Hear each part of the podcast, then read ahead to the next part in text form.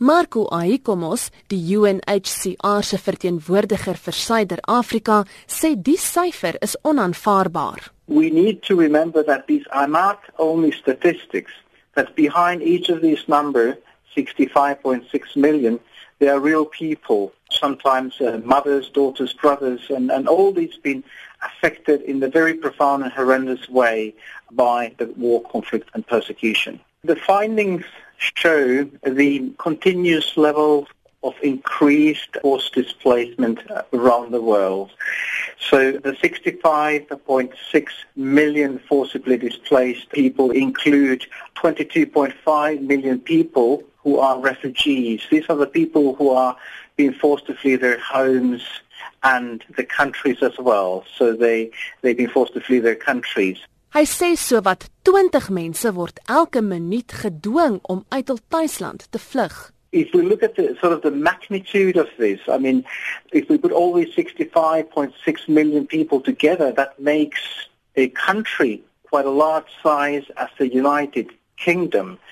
And looking at the pace, although it has decreased this year, the, there's a one person displayed every three seconds, or if you may, 20 people every minute.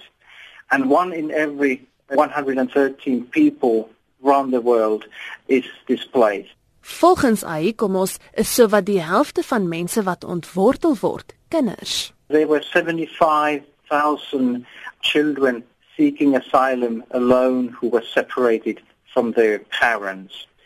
And we also see the trend is continuing. Often the people are displaced from the countries which are in the conflict are staying in the neighboring countries which are also often in the turmoil or are low and middle income countries which have difficulties of providing support. Hy sê Turkye bied 'n toevlug vir die meeste vlugtelinge ter wêreld. Most of the refugees are hosted in the low and middle income countries some are 84% of them.